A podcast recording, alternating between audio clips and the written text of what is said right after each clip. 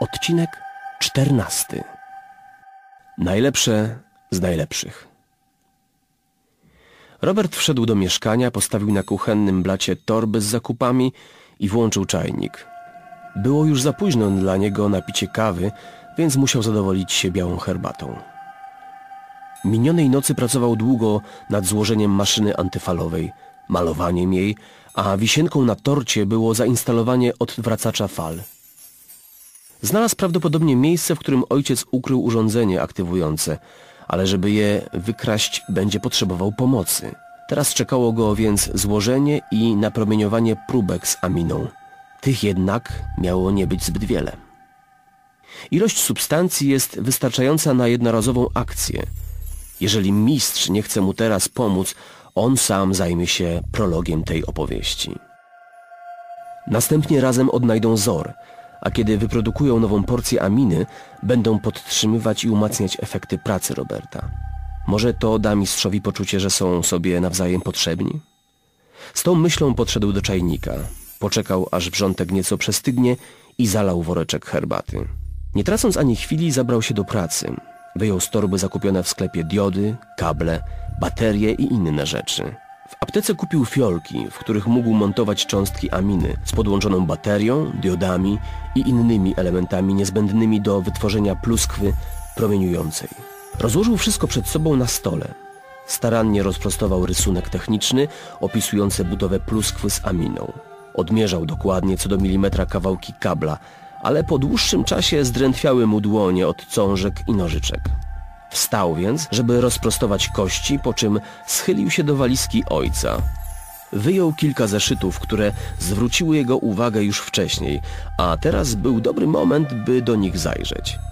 Na jednej z brązowych okładek widniał tytuł Galeria postaci Pantakoina i najlepsze z najlepszych. Otworzył i wertował strona po stronie. Zeszyt zawierał szkice portretów i kilka zdań na temat każdej z przedstawionych osób. Opisy zawierały fakty z życia, czasem związki z innymi członkami wrogiej mu organizacji. Istna encyklopedia potencjalnego zagrożenia. Czyżby to był wstęp i od tego należało zacząć? Każda z tych osób, gdyby tylko żyła, stanowiłaby śmiertelne zagrożenie. Jakie to szczęście, że nie musi przejmować się takimi małostkami. Nie żył już nikt z wymienionych. Dalej w zeszycie były konkretne adresy, opisy miejsc. Wszystko wyglądało tak, jakby było specjalnie dla niego napisane. Instrukcja krok po kroku, które miejsce szczególnie należy zaopatrzyć w dawkę aminy. Były to wille, pałace, budynki mieszkalne, pomniki. Robert uśmiechnął się pod nosem, zamknął zeszyt i położył na kupce notatek na podłodze. Więc to jest kolejny etap, pomyślał. Jeszcze dzisiaj będę miał przyjemność zwiedzić to złe miasto. Wrócił do stołu, usiadł i począł od nowa mierzyć i ciąć kable, montować, kleić. Robił to szybko, niemal mechanicznie. W głowie miał znów mętne wspomnienie ojca. Tu pogarda do człowieka mieszała się z podziwem dla jego intelektu. Nie wspominając już o swoim dziadku. Jak on, psychiatra z początku XX wieku, zdołał dokonać takiego odkrycia? Ludwik Krostoic podczas badań nad sposobami manipulowania pamięcią wpadł na trop nieodkrytego jeszcze pierwiastka o silnych właściwościach promieniotwórczych. Jednak ówczesna technika nie pozwalała mu na wyprodukowanie nawet najmniejszej jego ilości. Udało się to dopiero jego synowi, Ludwikowi Krancowi, podczas pracy w USA. Wyprodukowawszy ów pierwiastek nazwał go Ozorum. Uzyskana w warunkach laboratoryjnych próbka była jednak zbyt mała, jak wydawało się wówczas, żeby przy jej użyciu otrzymać pożądany efekt. Pomnożył więc swoje siły i przy pomocy kolegów z Penn University w absolutnej tajemnicy przed władzami uczelni wyprodukował większą partię. Całe 30 gramów. W tym czasie jednak był już w trakcie rozwodu, a krótko po nim wyjechał do Polski, gdzie poznał dość majętną wdowę, z którą w szybkim czasie wziął ślub.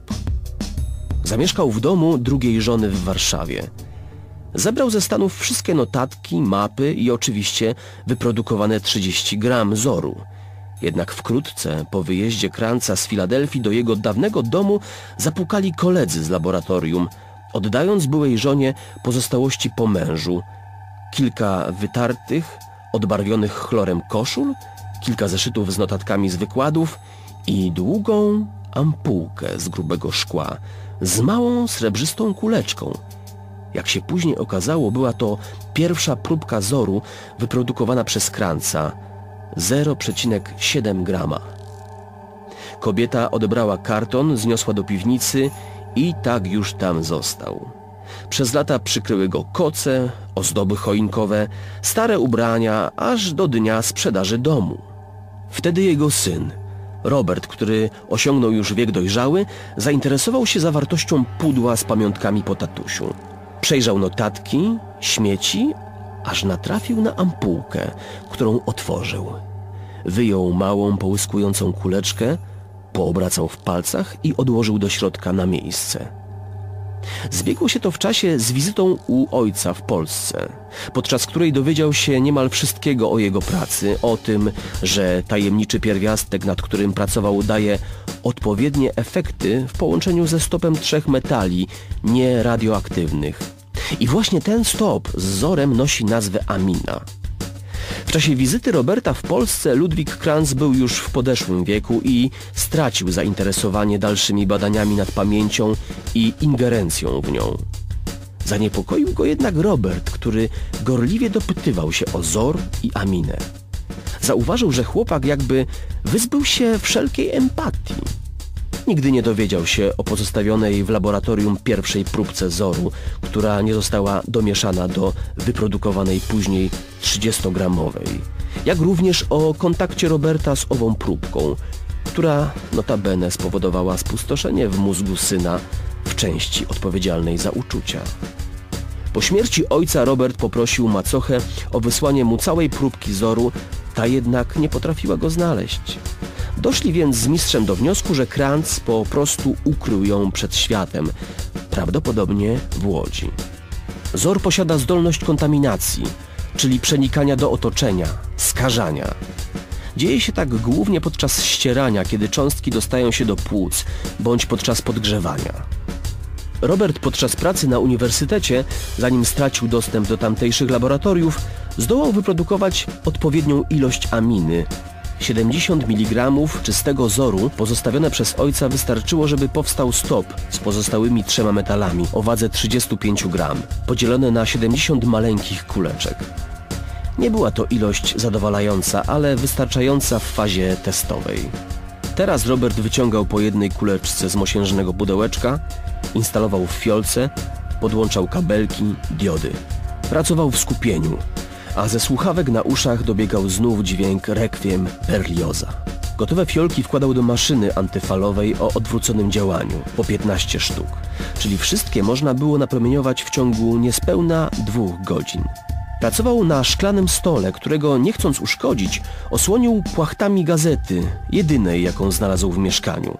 Przykrył nią cały stół, a ponieważ mu się śpieszyło, nie zawracał sobie głowy wczytywaniem się w tekst. Miasto Eł czego to ludzie nie wymyślą. Czytany kilkakrotnie tytuł brzmiał jak Miasto Ełk, nieomalże. Była już siedemnasta, kiedy wyjął z maszyny ostatnie fiolki. Teraz jest czas, by rozlokować je w mieście. Przydałby się samochód, pomyślał wkładając do torby fiolki, będące małymi, promieniotwórczymi próbkami. Albo rower. Tylko skąd ja teraz wezmę rower? Zupełnie umknęła mu ta kwestia. Zaplanował wszystko od początku do końca, a nie pomyślał o tym, w jaki sposób będzie się przemieszczał po mieście. W tej samej chwili przypomniał sobie, że we wspólnym korytarzu mieszkania stoi rower, należący prawdopodobnie do sąsiadki z za ściany. Wstał z krzesła, na którym siedział ostatnie dwie godziny, produkując próbki i wyszedł na korytarz. Rower stał tam, gdzie widział go ostatni raz. Minął go i zapukał do drzwi. Niewysoka, szczupła brunetka otworzyła po chwili. Słucham? zapytała zdziwiona, widząc Roberta. Mm, to pani rower? zapytał wskazując dłonią za siebie. Mój. Patrzyła na niego szeroko otwartymi oczami. A o co chodzi? Mam do załatwienia bardzo ważną sprawę w mieście, a właściwie kilka, rzekł bez żadnych ceregieli Robert. I pomyślałem, że mógłbym go od pani pożyczyć. Oczywiście zapłacę odpowiednio. Ostatnie słowa wypowiedział szybko, obserwując bacznie twarz dziewczyny. Był przekonany, że propozycja finansowa sprawi odpowiednie wrażenie, jednak jej twarz nie wyrażała nic poza ostrożną ciekawością. Co jeszcze powie człowiek, który nawet się nie przedstawił? "M- Mam pożyczyć panu rower? Zapytała, nie kryjąc rozbawienia. Przecież nawet nie wiem, kim pan jest. Przepraszam, nie przedstawiłem się. Wymamrotał i jakby zawahał się. Nazywam się Henryk Berlioz i wynajmuję tu mieszkanie. Skłamał. Przyjechał pan chyba z daleka, a powiedziałabym, że urwał się pan z choinki. Powiedziała i spojrzała lekceważąco, ale wyciągnęła rękę i przedstawiła się. Marta. Z choinki? Zdziwiony popatrzył i podał rękę Marcie. Miło mi. Tak się określa kogoś, kto nie zachowuje się standardowo, odparła. Że chce pożyczyć rower? Raczej, że puka pan do drzwi osoby, której nie zna, pyta o rower, proponuje pieniądze i nawet nie pomyśli o tym, żeby się przedstawić. Rozumiem, przepraszam, powiedział Robert twardo, włożył ręce do kieszeni i obrócił się w stronę drzwi swojego mieszkania, które były otwarte na oścież. Niech pan go bierze, powiedziała Marta. Ile mam? Nie, niech pan nie żartuje. Proszę tylko o niego dbać i pilnować blokady. To mówiąc sięgnęła po mały kluczyk na turkusowej, zwisającej z wieszaka smyczy i podała go Robertowi. Dziękuję, odpowiedział i wyciągnął dłoń do Marty. Zwrócę go wieczorem, ale nie będę pani budził, może być późno. Dobrze, uśmiechnęła się ciepło. Dobranoc. Dziewczyna schowała się do mieszkania i zamknęła drzwi. Robert wrócił do siebie, ostrożnie zaczął pakować pluskwy do kartonowego pudełka, które włożył do plecaka. Sięgnął po przewodnik, który spisał jego ojciec, przewertował. Idealnie. Zostawi pluskwy w miejscach najważniejszych dla miasta. Wyszedł przez bramę kamienicy. Ostatnie promienie zachodzącego słońca oświetlały pomnik na placu. Wszystko zdawało się tonąć w złocie, odbijającym od szyb okiennych. Rozejrzał się, przez myśl przeszło mu wspomnienie zachodzącego słońca oglądanego z mostu Benjamina Franklina. To będzie dobry wieczór, pomyślał i uśmiechnął się pod nosem, po czym wsiadł na rower i pojechał w stronę pomnika.